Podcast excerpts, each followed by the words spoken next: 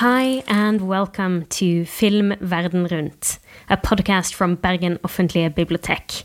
It's the most wonderful time of the year for cinema lovers in Bergen. Bergen International Film Festival, BIFF, is upon us. And today's episode is definitely something to be excited about. It's a BIFF special with very special guests film critic, presenter, and musician Mark Kermode, and BIFF's very own Alexander Petersen. Soon we will get all of their recommendations and insights, but I will introduce them to you listeners first. Mark Kermode is one of the top film critics in the whole wide world, providing us with reviews and takes on cinema in various platforms. You may know him from the BBC Four documentary series, Mark Kermode's Secrets of Cinema. As a film critic for The Observer between 2013 and 2023, and as you're listening to this and are clearly interested in film related podcasts, you will either already have heard or should definitely check out Kermode and Mayo's Take, the brilliant film podcast made alongside Simon Mayo. We are also very happy to have with us Alexander Petersen from BIFF. If you've ever wondered at the amazing selection at BIFF and who exactly chooses these films, Alexander Petersen is one of them.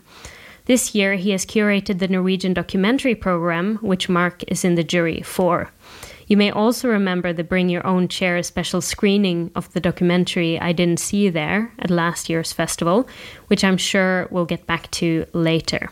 He is also a great advocate of inclusion and access for disabled people and has confronted cinemas with the need to do much better in terms of access. And I am Hanne Rømsing Sæverås, and I curate the film program here at the library. Welcome, Mark and Alexander. Thank you. Thank you so much. First of all, I gather that you two met at a different international film festival. Can you tell the listeners how you two know each other? You want to go first or me? Uh, I can go first. Um, uh, we know each other in that I went to Screenplay Film Festival in Shetland, where Mark co-curates with uh, his wife and film professor Linda Ruth Williams and the lovely Kathy Hubbard from Shetland. And I, the first year I came there was in 2015, and I came very much as a fan of Mark's. And I remember I came in I, I wrote an email to, to festival director Kathy Hubbard uh, asking initially about the accessibility of the festival. And then, whilst writing that email, I thought, what if I say that I'm coming in on behalf of the Norwegian Association of Disabled and want to interview Mark and Linda about disability in the film industry? And I just thought about that on the spot. Uh, and then we did the interview, and it was we've uh, gotten to know each other ever since. Really. I mean, my my main memory of that is that that Shetland Film Festival came about because I had been invited to go and in, introduce a screening of The Wicker Man in Shetland, and Linda and I live at the other end of the UK. I mean, right now, at the very other end of the UK. And I said, "Oh, we had this invitation to go and do this thing," and you know, I can't do that. Linda said, "Well, of course you can. You know, when when are we ever going to go to Shetland if not to do that?" So we went to Shetland. We had a very very short trip, and the weather came in and we got stuck in Aberdeen. So we ended up only having like, you know, 23 hours on Shetland before turning around and coming all the way back again. And in those 23 hours, we fell in love with it. We thought it was wonderful. And Kathy, who Alexander just mentioned, said, Well, why don't we start a film festival? And I said, Well, you haven't got a cinema. And she went, No, but we've got a theatre that we can run films in, and we have a plan to build a, an arts centre. So initially, when we started doing Shetland, it was in the Garrison Theatre. And then Shetland built this incredible Mareel Art Centre, which is, I mean, it's extraordinary, isn't it? It's, it's mm. you know, it was, it was, it was actually it was Shetland builders who did it as well, and it was, it's right on the waterfront. And of course, the thing that everyone always says about about Shetland is it's more Norwegian than it is Scottish because geographically, and culturally and in terms of the landscape and certainly in terms of the architecture, Shetland has more in common with, you know, I mean, I haven't been to Bergen before, I was in Tromsø but we've just been walking around this morning. And architecturally, it is closer to, Shetland is closer to this than it is to Scotland. And then Alexander was there. And what happened was it became a kind of joke because if you as you may well know, if you do screenings and then you do Q and A's afterwards, you quite often say, "Well, now we'll take questions from the audience," and there's always this terrible silence because people at first don't really want to put their hand up. They don't know whether, if they ask a question, it will sound foolish or whether it, you know. Whereas, of course, what you want is you just desperately want somebody to start. Um, and it just became a joke that we just go, we just we'll look at Alexander, and Alexander will ask a question, and Alexander will ask a question that will be thoughtful, and it will sort of set the tone for how the rest of the Q and A will go. Because you'd ask a question in a way that people go, well, that's a good question, but it also you wouldn't, you would never be kind of overly academic. It would just be oh, that's what we can ask. And then after that, we'd have a thing. So it just became a kind of, you know, a bit of a kind of safety net. Was as, as long as Alexander was in the Q and A, somebody would start the ball rolling, and they'd sort of set the tone, and then you'd have very good Q and A's, and that was how we became friends. I mean, I remember doing the interview as well. I, it's funny that you, you did that as a blag because you know there's no such thing as a useless blag. Mm-hmm. But um, but yeah, so you were kind of, although you were in the audience, you were sort of part of the Shetland family because it was always the kind of you know the safe pair of hands to go to for an audience question. Mm. Mm. It's always good to have that person planted, and it's very nice for us that you met there. Mm. And it sounds like a wonderful place. What we're gonna talk about uh, partly in this episode is something that I think you both care about uh, when you choose and review films and that is film as a vessel for empathy or that can create empathy in viewers. It allows us to see other people's point of view. We can learn new things about the world. So, with regards to BIFF this year, I want to ask you, Alexander, how important is this to you when you select films, and what does it mean to you Mark, when uh, you approach films? Well, I am very interested in in like the the different, uh, like you said, the different perspectives and the different stories that the film has to say.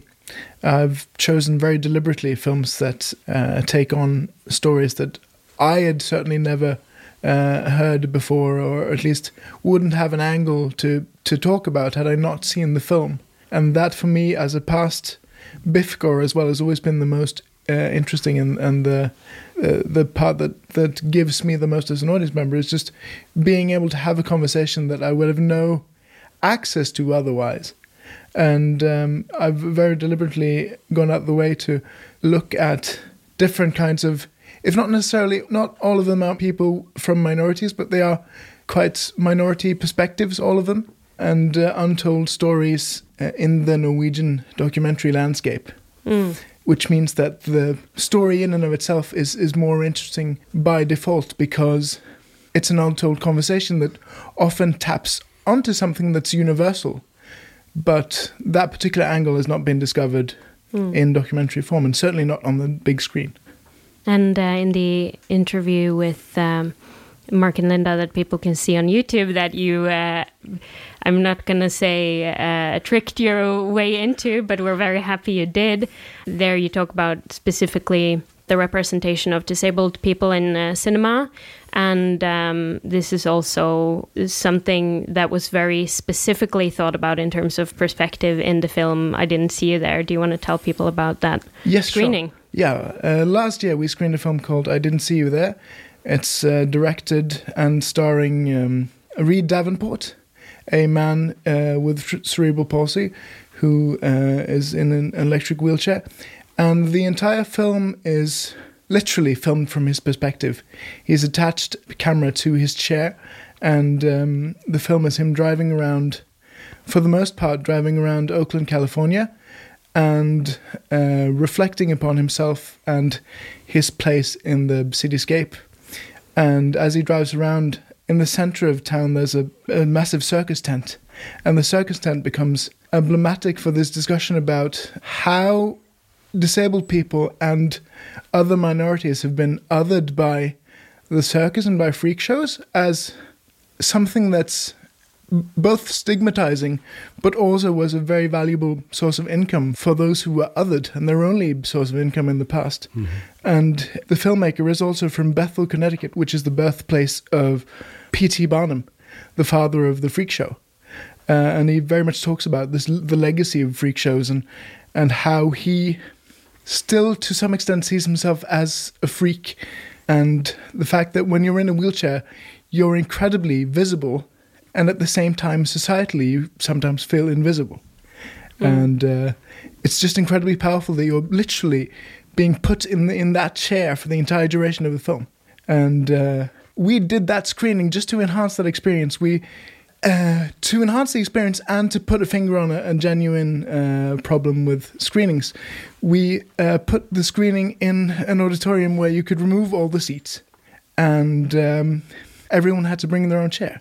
Because I'm very used to the fact that in any given auditorium, there's a maximum of two seats that I can uh, use, and it's either in the very back or in the very front but we wanted to give the power back to those of us who only had two seats to choose from. And now you could literally sit yourself anywhere you wanted. And everyone was welcome to join, it's just you had to bring your own chair. And as it happens, I already have a chair.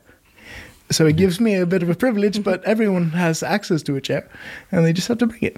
So that was uh, a very a nice screening. And also, we followed that by a panel discussion with uh, the Norwegian. Um, documentary filmmaker Mari Storstein, who is the only Norwegian uh, documentary filmmaker currently working with the disability, where that's a central part of her documentary filmmaking.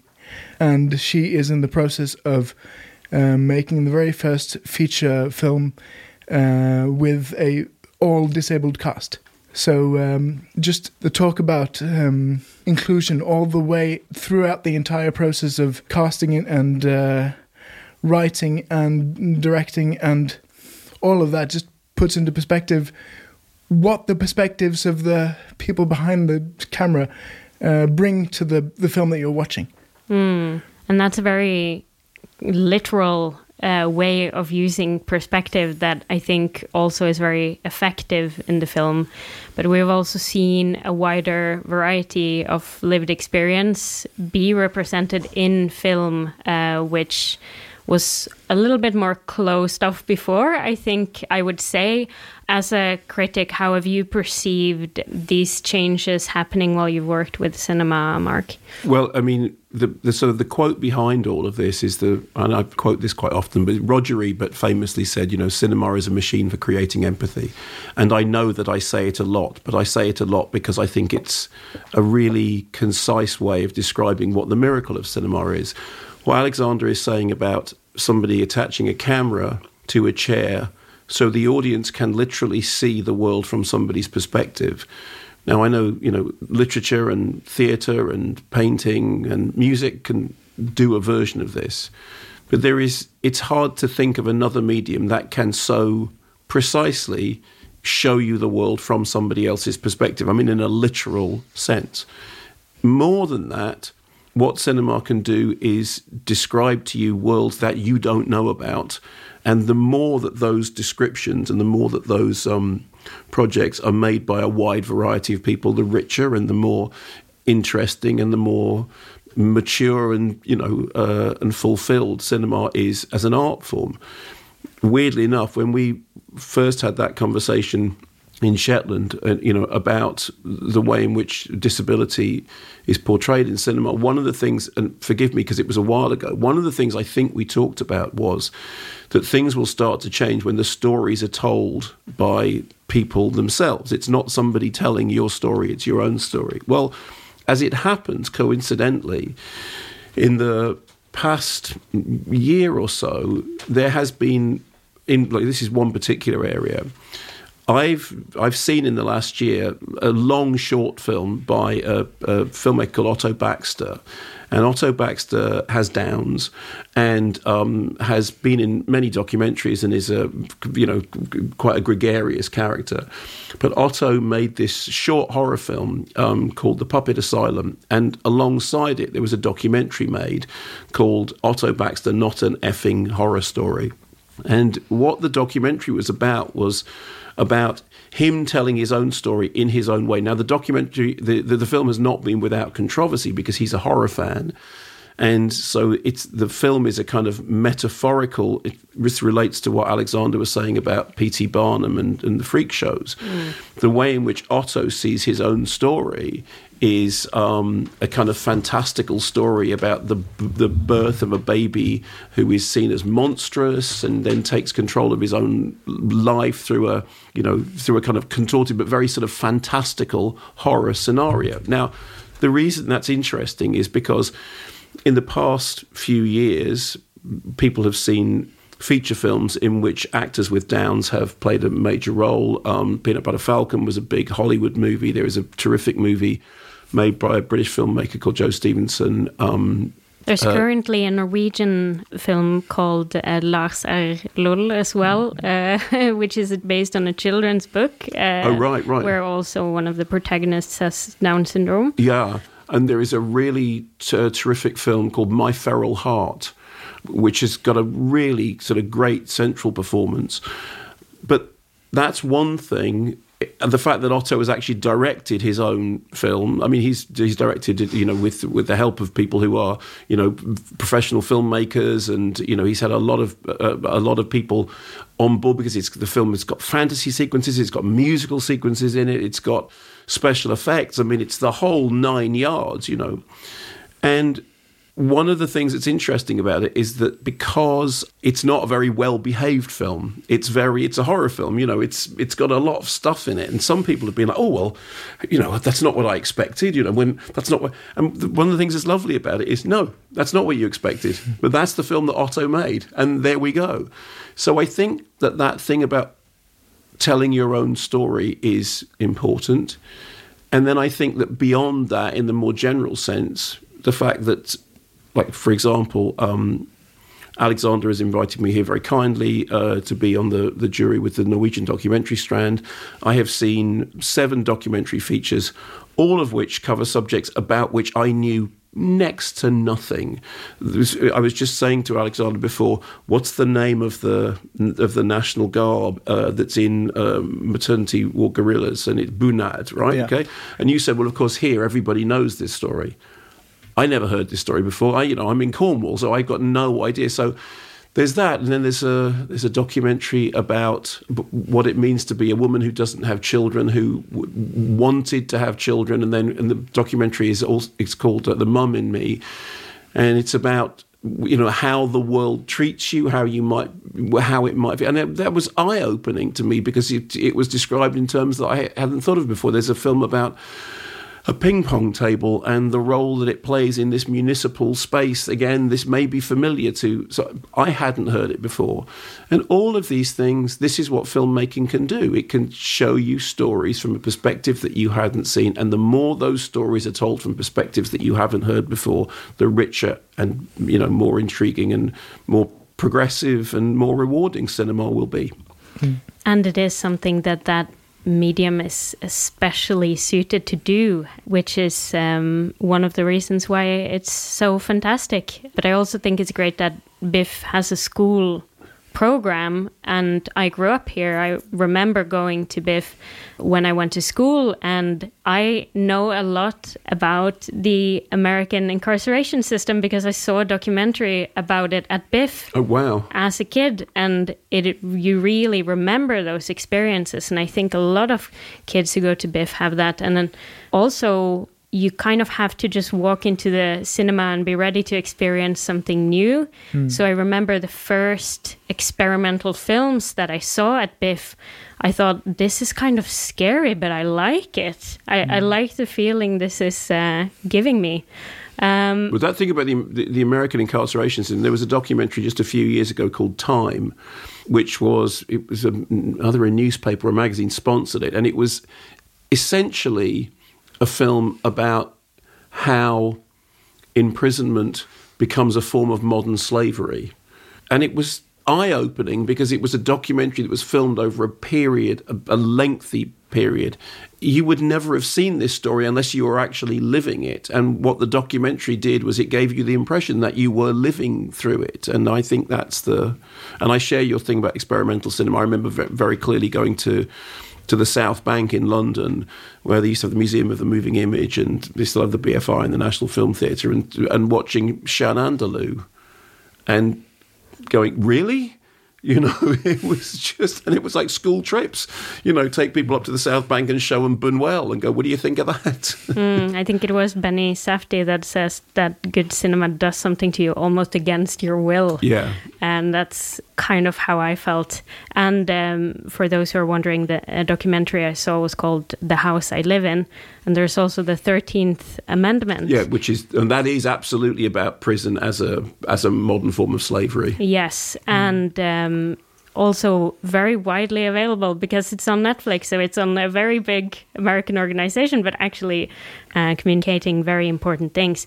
Now, Mark has already gotten started mentioning Bunadsgeriljaen og Mammaen i meg, blant, mm uh, among yes, forgive me others. for using the... I'm the only person in this conversation who only speaks one language. and on behalf of all English speakers, I would like to apologise for the fact that it's disgraceful that we are in your country and not speaking Norwegian. I, I, it is absolutely shameful that we somehow have just grown up thinking oh well i'll just speak english and it is it, it, it puts me to shame every time and i'm i genuinely apologize for it mm. comes comes in handy though yeah. uh, for this particular occasion but feel free to use the english titles of course of course and uh, yes we've already mentioned some of them mm. but what's on the norwegian documentary program this year it's a very good question. You come uh, from two different perspectives, so it's quite exciting to yeah. hear what um, your thoughts are. Uh, apart from the ones that were already mentioned, uh, there is um, Children of Stars, which I think uh, is quite different from a lot of the other programming because it's a film that could be seen as explicitly pedagogical because it's uh, literally a um, an astrophysicist teaching about the solar system to um, uh, school children. But the thing, again, for me, which was totally new, was just to put this to scale put the solar system to scale across the Lofoten Islands and place the sun in the middle of the school and create objects that are all to scale uh, in size and in distance from the sun.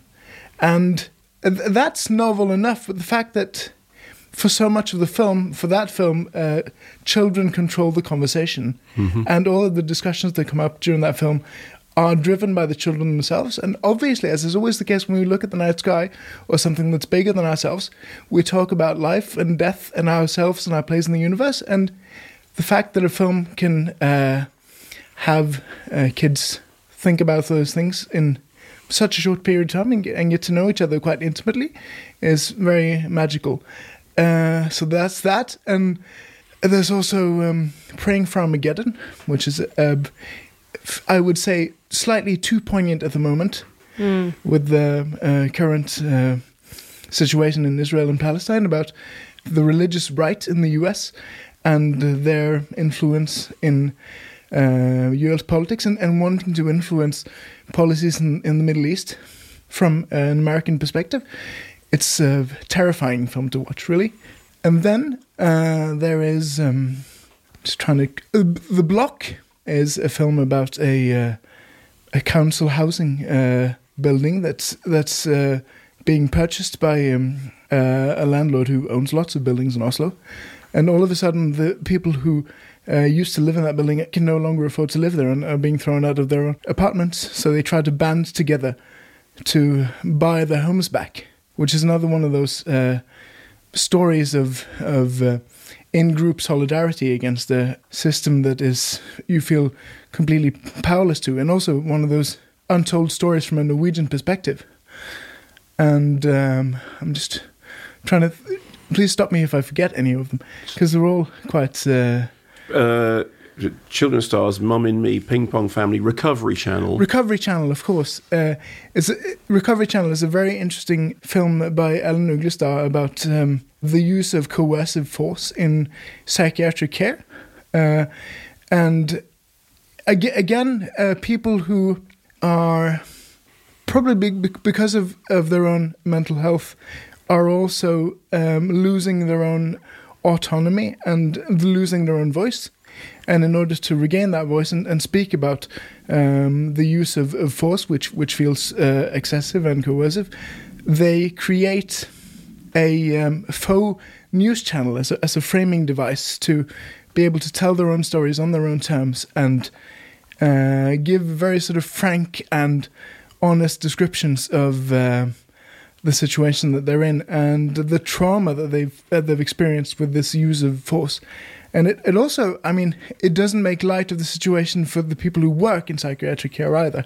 It's uh, obviously very uh, traumatic and, and very heartbreaking on both sides. But again, you see cinema's ability to give a voice to those who don't and and to see it squarely from their perspective in in an uncompromising way. And, and what's fascinating about Recovery Channel as well is that, as it declares at the very beginning, it is a documentary that uses drama and uses uh, performance. And so it's, you know, documentary isn't just pointing a camera at something and then recording it. It, no. it, it, it, involves theatrical artifice and it kind of it, it it's a documentary that actually asks you to question what you're watching at exact at the time that you're watching it which is kind of a technique which is adventurously used in telling the story. Like you say, they create this news channel and and uh, they say at the beginning, and we are going to use all these other techniques as well. So you're not just kind of relaxing and going, okay, I'll just show me the stuff. Yeah. It's a way of kind of you know in, showing you that uh, the world through interpretation, through through drama, through performance, through reportage. It's not. Um, because obviously no documentary is unfiltered. All documentaries are it's a process, and it's but it's a documentary that kind of I mean, this is what I, th- I kind of it psychoanalyzes itself in real time as it's telling its story because it's mm. always questioning the questions that it's asking. Yeah. Having a very strong documentary program, both Norwegian and international, is one of the best things about BIFF, and it always creates like um, an emotional hangover afterwards, but yeah. it's usually always uh, worth it. And are there any films on the program that maybe you haven't seen and are excited to see? Are you gonna approach BIFF as a moviegoer uh, this year? Well, I was very delighted when I walked into the foyer to see that you're showing the new Trolls movie. and have you seen any of the Trolls movies? I have not and uh, they are exactly they are exactly what they say on the tin. I have never mm. seen so much color in all my life. Mm, maybe it's too close to home for us. yeah. Oh no! Uh, uh, in terms of the festival, I, am um, I've heard. I mean, it's a shame how all the films I'm not going to be able to see because I'll be working in the festival. That's always a problem with working in a festival is that you hardly get to see any films. But I'm and how do you choose the ones you can? exactly. I'm really excited about about uh, a film called Samsara, where, uh, as I've been told by my staff, you sort of get to. Um, it's it's a film that slow cinema, isn't it? It's a slow cinema that metaphorically, you you metaphorically die in get reincarnated.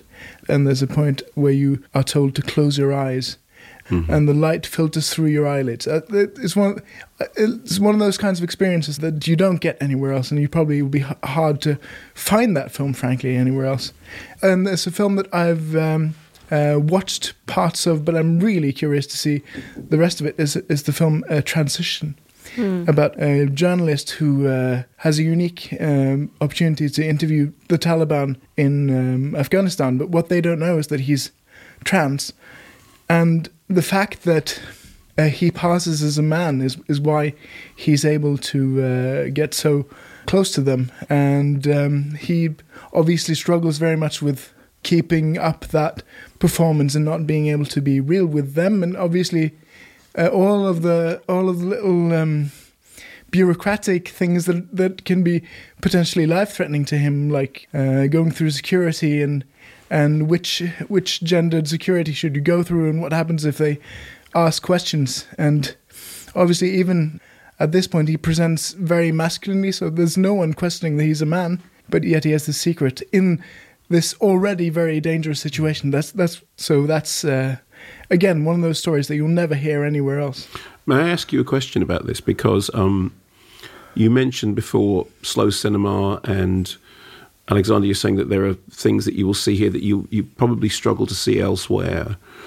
So I did a, a program for Radio 4 a, a while ago about slow cinema, and we were talking to Wendy Ide, the Observer journalist, and she was saying that essentially what we because slow cinema is now a very big part of uh, you know of, of art house cinema, but she was saying essentially it would not have happened had it not been for festivals because slow cinema is something that absolutely came out of the festival circuit, mm. and it is probably still the case that you know Apichatpong Weerasethakul's movies have the the prominence they do now because of festivals. And you're talking about films that if it were it not for festivals championing them, they probably you probably wouldn't be able to see them anywhere. And I'm mm. kind of interested to know whether you think, therefore, that festivals can change the landscape of cinema by giving space to movies that actually otherwise wouldn't be seen. Uh, I would certainly hope so. I mean, um, at the very least, uh, the the festival viewing figures that, that we're pulling uh, shows that there's a hunger for those kinds of films and those kinds of perspectives. And I, I only hope that that translates to um, a multiplex uh, programming uh, recognizing that that hunger for, for the diversity of in perspectives as well and a willingness to take chances in, in those kinds of films because that's part of the reason why you're excited to go to the cinema obviously because most of it you can now stream on your own and you can choose to watch uh, the the most popular Netflix films every single day of the week at your leisure. Mm. So um, I would hope that cinemas would view their mandate as seeing something that you won't be able to see anywhere else, and the sort of the fact rather that the festival going audience members uh, take with the films that it's kind of a it's a pact of trust right you know that you're you don't know exactly what you're going to see but you know that you're going to sit there for however long it takes, and you're viewing the film on the film's terms, right? You're along for the ride, and you know that it's it might challenge you a lot, but at the end of it, you'll be happy that you did. And I, for one, hope that um, as cinemas are trying to find their own niche, that would be a direction they would want to go in. It's really sort of um, cherishing the cinema going experience as something unique. I think this year there's both Samsara and Inside the Yellow Cocoon Shell, which, if I remember correctly, won the Camera d'Or. Apichatpong Weerasethakul Memoria that was shown at BIFF when it came out. And these are really intensely cinematic experiences. So the festival really plays a big part of actually giving that to people mm. because it's one thing to watch it at home, but it's really a different thing altogether to be able to see it in the cinema. Yeah, and I think uh, also just to to give yourself that space in however long the film takes to just be present watching the film is also something that we don't give ourselves anywhere else, frankly there, there are no other distractions. It's completely dark, and even though you know there are people around you, it's the weird thing of being both the communal experience and also a deeply individual and intimate and personal one. You know that you're in a room, but you can't see them, so you just assume that there's an audience there, which you can feel, and you can feel their reaction. Uh, uh, like a couple of years ago, uh, I, I, I'll probably remember this till the day I die, watching. Um, watching For Sama. And there's a moment during For Sama. I don't know if all of, if both of you have seen this film. Yes. Uh, the the moment that I'm speaking about is there is a moment where where a child is delivered through C-section, mm-hmm.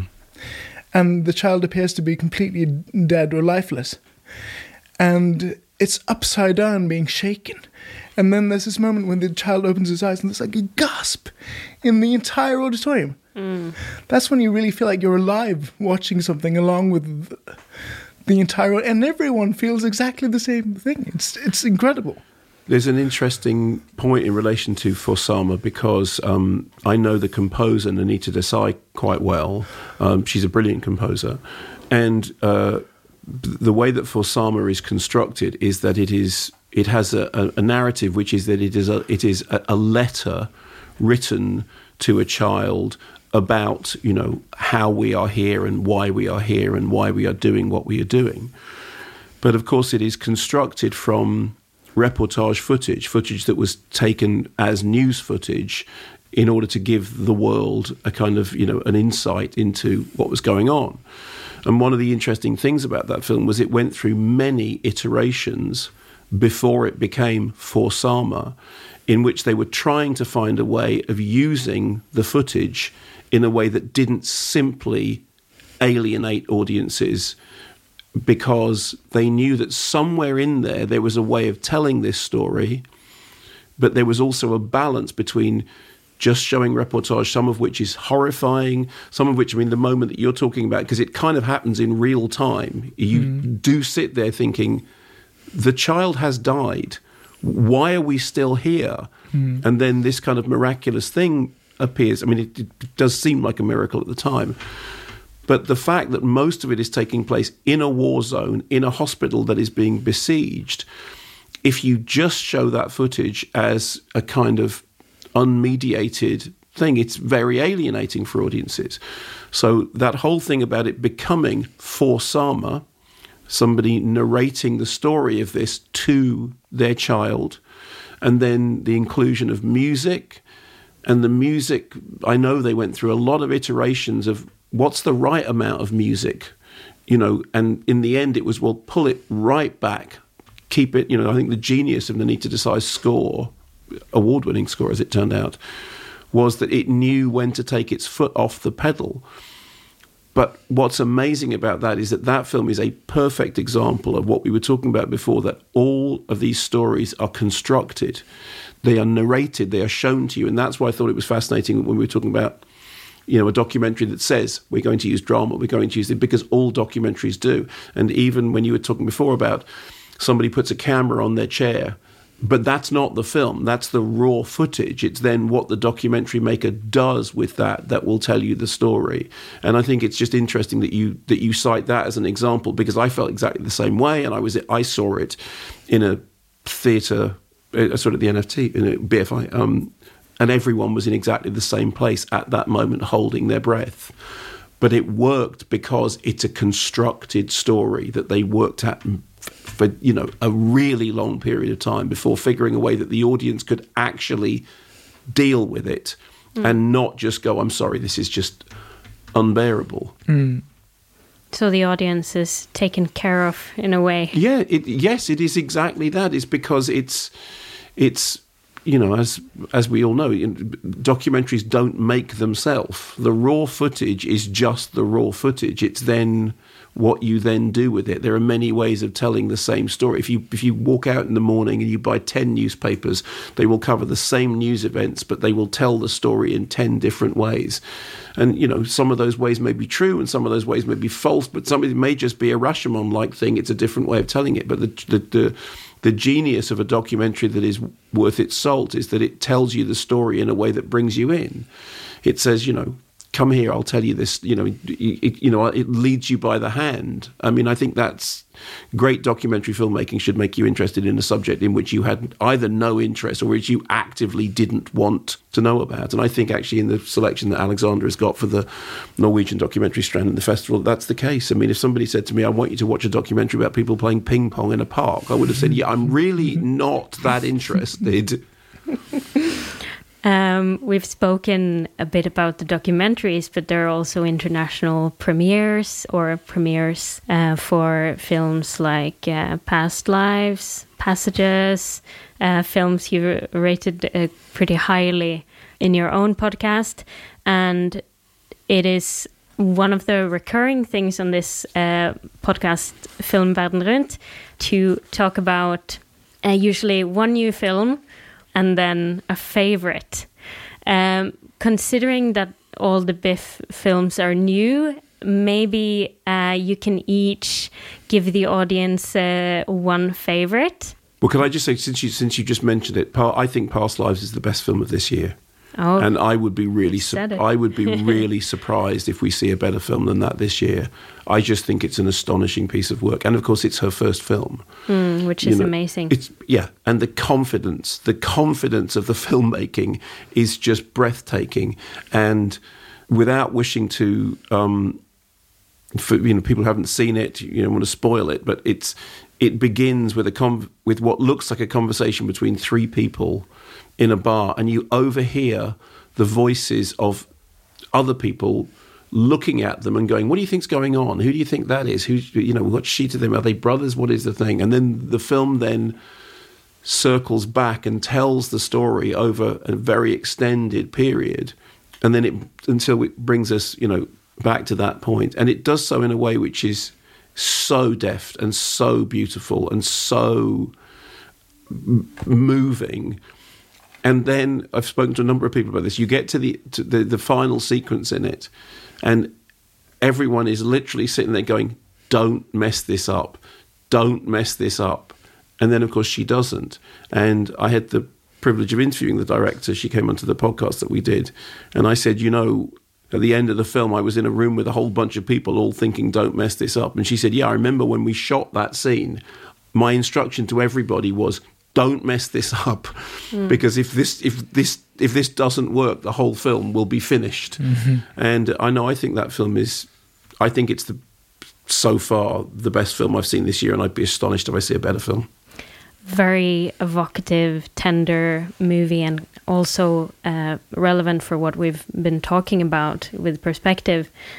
The quote, "He is so Korean." Yeah, yeah. Korean yeah. she said, time. She says, "She says he's so Korean. He makes me feel so not Korean, and yet so Korean." and it's just, it's beautiful because it's it's exactly yeah it captures that duality and it's also showing a kind of roadmap for how we can have romantic films without uh, it having to be romantic in uh, an explicit way or where emotions are more complex and they can be about the person but they can also be about your own identity and your own self. So that's definitely a favorite uh, from this year. And, and and and and it's a, it, it's about it's about national identity and national culture, but it's also about you know whether there's such a thing as a soulmate or whether that's just an idea, and if it is an idea, what does that idea mean? And, and you know, if it if you can imagine another version of that film, you can imagine like a mainstream American version of that film, and it doesn't, and it ends in a very different way. mm, absolutely. Do you have a favorite from the program? Favorite if from you the program, can choose. very good question, and uh, I, if I may, I would like to shout out uh, two films for very different reasons. Um, I'll allow two. Uh, I, I, would like to, to give a brief shout to Riddle of Fire, just because it's a, a pure, pure fun um, film shot in 16 millimeter. It's a cross between the Goonies and and, uh, and Stranger Things, but it's, it's incredibly uh, tiny. I've described this film to people as as a, a fetch quest. It's like one of those point and click games that you uh, that you played as a kid. Uh, so that's just great fun. And then uh, I'd be remiss if I didn't mention: um, Is there anybody out there? Which is this year's big um, uh, disability advocacy film. Again, uh, written and directed as a documentary, written and directed by um, Ella Glendining, who has a very rare uh, disability where she has very short femurs and is is born without uh, hip joints, and um, uh, her diagnosis is so rare that she's never found anyone in the UK that has the same diagnosis as her. And then she finds a community of people with this diagnosis in the US, but it turns out that all the other people with this diagnosis have had uh, operations that make their bodies more norm functioning and she's not had that operation. And then, even though she's all of a sudden found this community, she's alienated from that as well, in that uh, they've done alterations to their body that make them work more according to the norm, and that gives them some freedom of movement, but also strips them away from that identity and and the way that they move around in the world is slightly different, and also the the structures that they face are slightly different, and they kind of uh, forces her to look at her own body and like, uh, should she alter her body to make it more functional? Would that be better for uh, her energy levels? But would that also mean that uh, her body as it is is invalid? And um, it's it's a very interesting uh, piece of filmmaking. That I, I, like I said, I've never seen anything like it before. Mm. I think it's safe to say uh, that Biff this year will be as good as ever. Yes. Um, before we wrap up, I kind of want to throw uh, a big question at you, Mark. Okay. Um, you recently retired as a critic in The Observer, and you have a long career. You've written books about cinema, you have presented cinema in almost every form. Uh, what are your thoughts about where cinema is at now in a general sense? And do you have some predictions for the future? Well, so I the I, I, I- stood down from the Observer after exactly ten years, and it was exactly ten years to the you know to the week. It was ten years. Um, I took over the Observer as the weekly film critic from Philip French, and Philip was you know one of the great you know masters of film criticism, and I I remember very very clearly when I took over from him. Philip had been in the, in the chair for a long for a long time, and you know. Uh, I had written for the Observer before, and I still write for the Observer now. But it was just the just doing the, the weekly film thing that I you know that I because it's it's quite a big responsibility. And when I took over from Philip, the, the Observer ran a piece about Philip standing down, and there was just all these uh, filmmakers and uh, from around the world just saying, you know, that Philip was the you know the greatest film critic and the greatest, and, um, and including Martin Scorsese, who used the word irreplaceable, which is kind of like, okay, follow that, Kermode, and. I remember thinking that the lesson I learned then was if you're going to take over from someone, take over from somebody who's a bit rubbish, because taking over from someone who's really good is is you know. And Philip said this thing to me. He said, "It's the best chair in film criticism. Don't break it." And I remember living with that phrase every single week when I filed my copy, and feeling, yeah, don't break it.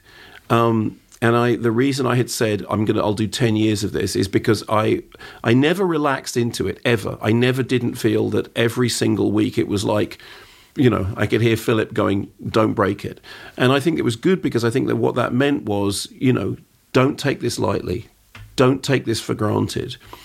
But that there is also during the course of that, you you know, you you think, okay, well, if you're going to do it at that I think I think I'll probably manage ten years. Now, the person who's since taken over from me is Wendy Ide, who I think is a magnificent uh, film critic, and um, certainly better than me. And I think that Wendy has longevity because she's, you know, she's written for screen and she's done the festival circuit, and she's a she's a hardened you know, journalist. She, her judgment is impeccable. Her writing style is terrific, and it wouldn't surprise me if Wendy then, you know, carried on doing it as Philip did, you know, right into his later years. I never had that in me. I always, I always found it. Um, a huge responsibility and I never wanted to do it badly. And I was when I got to the end of the 10 years I was really relieved. It was like you know I don't, I don't think I did break it. I hope I didn't break it. I did the best I could and now I now I give it to Wendy and it's like there you take it. And then I, it was funny because I I spoke to Wendy a couple of weeks ago after I said how's it going? And she said I've got this huge feeling of responsibility. And I went, oh yeah, yeah, yeah. And she went, Welcome she, to the she, club. yeah. She went, when does that go away? And I went, never. Hmm. But that's, I think, why. Uh, I think if you are going to do it properly, you do have to feel responsible. You have to feel that there is a there is a certain you know you don't be don't be flippant about it. People, films don't make themselves. People put a lot of effort into. If you're going to dislike a film, you have to dislike it for good reason. If you're going to, you know, you have to be fair to the film. And then when I stood down, they, the observer said, you know, well, can you write something which is like 10 favourite films from one from each year that you've been doing the thing? And then just what do you think has changed? And I started, I did the, the 10 was kind of quite easy because I had, you know, I sort of knew what my favourites were. But in terms of the what's changed, was well, the most significant things that have changed in the time of my tenureship, um, when I took over from the Observer, one woman had won the Oscar for Best Director. One. In the 70 years of the Oscars, one woman had won. And of course, that has changed. And it's changed because of the Me Too movement. Um, the Oscars have changed because of the. Um, Oscars so white hashtag. You know, the Oscars have tried, they've started to not just be completely dominated by people who look like me, you know, white, middle class, English speaking blokes. But it's it's the beginning of a change, and it's very, very it's late and it's happening too slow, and but it is happening. You know, so the fact that Jane Campion and you know Chloe Zhao and you know like we're not we're no longer having to go hey Kathryn Bigelow won an Oscar huzzah you know um, also similar with the Palm in Cannes um, yeah, with Julia Ducournau, and you know, and which, uh, and of course, because the gap between, because it was Jane Campion was the was the the first and only for absolutely ages, because it was almost like Cam went, oh well, we gave the Palme d'Or to a woman once, so anyway, can we get back to business as usual? And that was kind of what the Oscars did. So I thought that was significant. And also, the other big thing that had happened was the pandemic and lockdown, which had meant that something that was already happening, which was a move towards streaming services, was massively accelerated. But what it also demonstrated was that during lockdown, people didn't just go, "Oh, great, we can stream everything. Let's stop going to the cinema." People were going, "I would want, I want to go to the cinema," and I know that many cinemas didn't make it through the pandemic. And then afterwards, because you know COVID is still with us now as we're having this conversation, you know, we're in the middle of another you know space, so it hasn't gone away yet. And cinema figures overall in the UK have been down, but Oppenheimer and Barbie had the biggest, you know, record. You know, the Barbenheimer weekend was extraordinary. People are going back to the cinema when they could be sitting at home watching everything on streaming services. Why? Because as we demonstrated, if you take that away from people, they suddenly go, "No, but I want to see." I mean, I I wrote in this piece about going to see Unhinged, the stupid Russell Crowe movie in which he's an angry person in a truck. That's the plot of the film. He's an angry person in a truck, and I remember sitting in the cinema in Southampton thinking, "This is great." I, I'm just really loving watching Russell Crowe being an angry person in a truck because it's in a cinema and it's on a big screen. So I think the the future is you know, simultaneous distribution is coming, and being against it is like being against Wednesday. You can dislike it all you want, but it is coming round again, and it's there's nothing you can do about it. The trick is to say, look, if people can watch films anywhere, they will not necessarily decide, oh, well, I'll watch it at home what the pandemic has demonstrated is that, yeah, there is a big appetite for watching stuff at home, but there is a big appetite for not watching stuff at home. There is a big appetite for watching stuff in the cinema. And I think uh, that, you know, we just have to understand that, that in the future, more and more, I mean, the whole idea about the window between theatrical distribution and streaming, it has gone. I mean, I know the French are hanging on to it, but, you know, it, it, it's gone to all intents and purposes. We are going to get to a point very, very soon in which, with the exception of really big, spectacular IMAX blockbuster stuff, things are going to be simultaneously available. And if cinemas are doing their job properly, and what Alexander was talking about earlier on about program interesting stuff, program stuff that you then they will thrive. And yes, some cinemas will fall by the way, and I suspect that those cinemas will be multiplex cinemas that don't care. And I suspect that the cinemas that thrive will be independent cinemas that do care. Why? Because as we've seen, whether it's you know Shetland and Mareel or um, the other end of the country, you know the Newlyn Film House down where I am, down by Mousehole in Cornwall, the cinemas that do well are the cinemas that actually are serving audiences with what they want. And what they want is not just you know sequels and prequels. What they want is an interesting diet so i mean it was a, the most encouraging thing i heard was in the newlyn filmhouse they showed the uh, the ab fab movie which was not good. Um, but you know it had famous people in it, and a whole bunch of people went to Newlyn to see the Ab Fab movie. They did a kind of, you know, like you know, you get Bolly and a Blintz beforehand, but it's a it's a lovely cinema. They, it was a fish factory, and they turned it into a cinema. And um, the two people that run it are great, and a ton of people went to see the Ab Fab movie. And the next week, they had Embrace of the Serpent and a whole bunch of people who had been to see Ab Fab came back to the cinema and saw Embrace of the Serpent because they had enjoyed going to the cinema.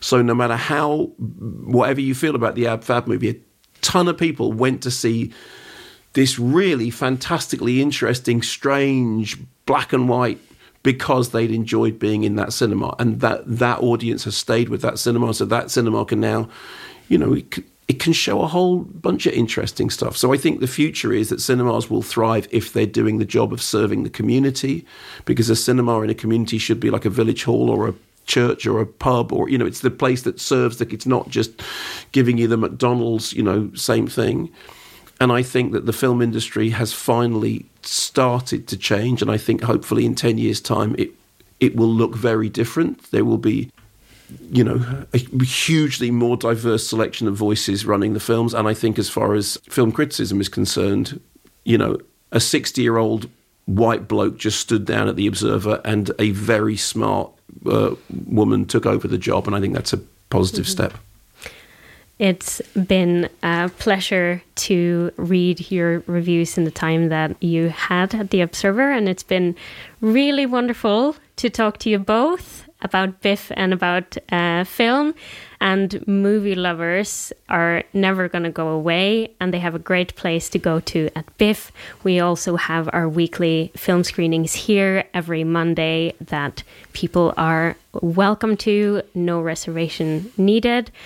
Thank you very much, Alexander, and thank you very much, Mark. Thank you. Thank you.